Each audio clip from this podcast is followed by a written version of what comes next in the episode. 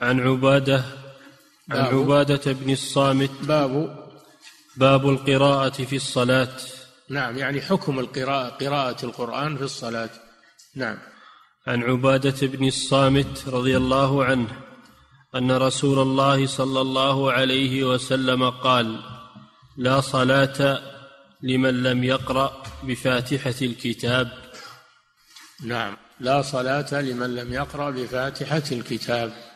هذا يبين قوله صلى الله عليه وسلم ثم اقرأ ما تيسر معك من القرآن. أن المراد بذلك قراءة الفاتحة. هذا لا بد منه ما زاد عليها فهو مستحب. لا صلاة لمن لم يقرأ بفاتحة الكتاب. وفاتحة الكتاب هي الحمد لله رب العالمين إلى آخرها. سميت فاتحة الكتاب لأنها افتتح بها المصحف كتابة المصحف. فأول سورة في المصحف هي الفاتحة. تسمى أم القرآن. تسمى أم القرآن لأنها تجمع المعاني التي اشتمل عليها القرآن الكريم. كل معاني القرآن الكريم ترجع إلى الفاتحة. ولذلك صارت الأم. وتسمى بالرقية لأن النبي صلى الله عليه وسلم لما سأله الصحابة عن اللديغ الذي قرأوا عليه الفاتحة فقام كأنما نشط من من عقال قال وما أدراك أنها رقية؟ فهي الرقية وتسمى الكافية تسمى بالكافية ولها أسماء كثيرة تدل على عظمتها وهي أفضل سورة في القرآن. هي أفضل سورة في القرآن وأفضل آية أو أعظم آية في القرآن آية الكرسي. أعظم سورة هي سورة الفاتحة وأعظم آية هي آية الكرسي. وتسمى أيضا السبع المثاني قوله تعالى ولقد آتيناك سبعا من المثاني والقرآن العظيم فهي السبع المثاني لأنها سبع آيات. والنبي صلى الله عليه وسلم في هذا الحديث يقول لا صلاة لا صلاة أي لا تصح صلاة.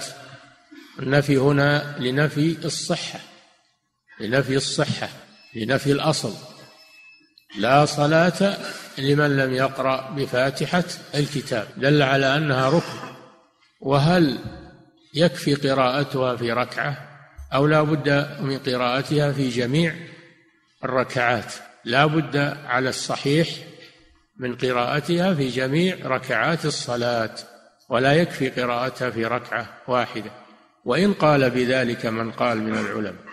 وهي ركن في حق الإمام وفي حق المنفرد هذا بالإجماع. وأما المأموم فقد اختلفوا هل تجب عليه أو تكفي قراءة الإمام. على أقوال أقوال كثيرة فعند الإمام البخاري والشافعي وجمع من المحدثين أنها فرض على المأموم. ولا تصح صلاة المأموم حتى يقرأ بها لهذا الحديث وللأحاديث الآتية لكن يقرأها في سكتات إمامه ولا يقرأ والإمام يقرأ فيحصل التشويش بل يقرأها في سكتات إمامه وهي ركن أو تركها لم تصح صلاته وذهب الحنابلة والحنفية إلى أنها مستحبة في حق المأموم. مستحبة في حق المأموم وركن في حق الإمام. لقوله تعالى وإذا قرئ القرآن فاستمعوا له وأنصتوا لعلكم ترحمون.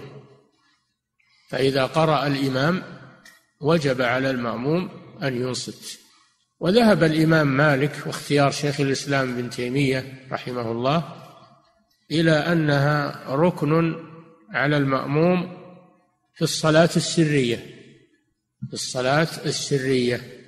وأما الجهرية فتكفي قراءة الإمام لأن المأموم يستمع.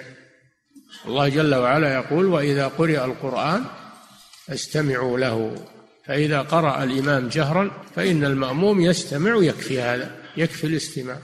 وهذا هو أعدل الأقوال. وهو الذي تجتمع به الأدلة أنها تجب على المأموم في الصلوات السرية لا تجب عليه في الصلاة الجهرية اكتفاء بقراءة الإمام. هذا حاصل الخلاف في هذه المسألة. وهناك أقوال في قراءة الفاتحة كثيرة منهم من يرى أن قراءتها مستحبة مطلقة ومنهم من يرى أن الصلاة تصح بدونها والخلاف كثير لكن هذا هذه الأقوال الثلاثة هي أشهر الأقوال. نعم.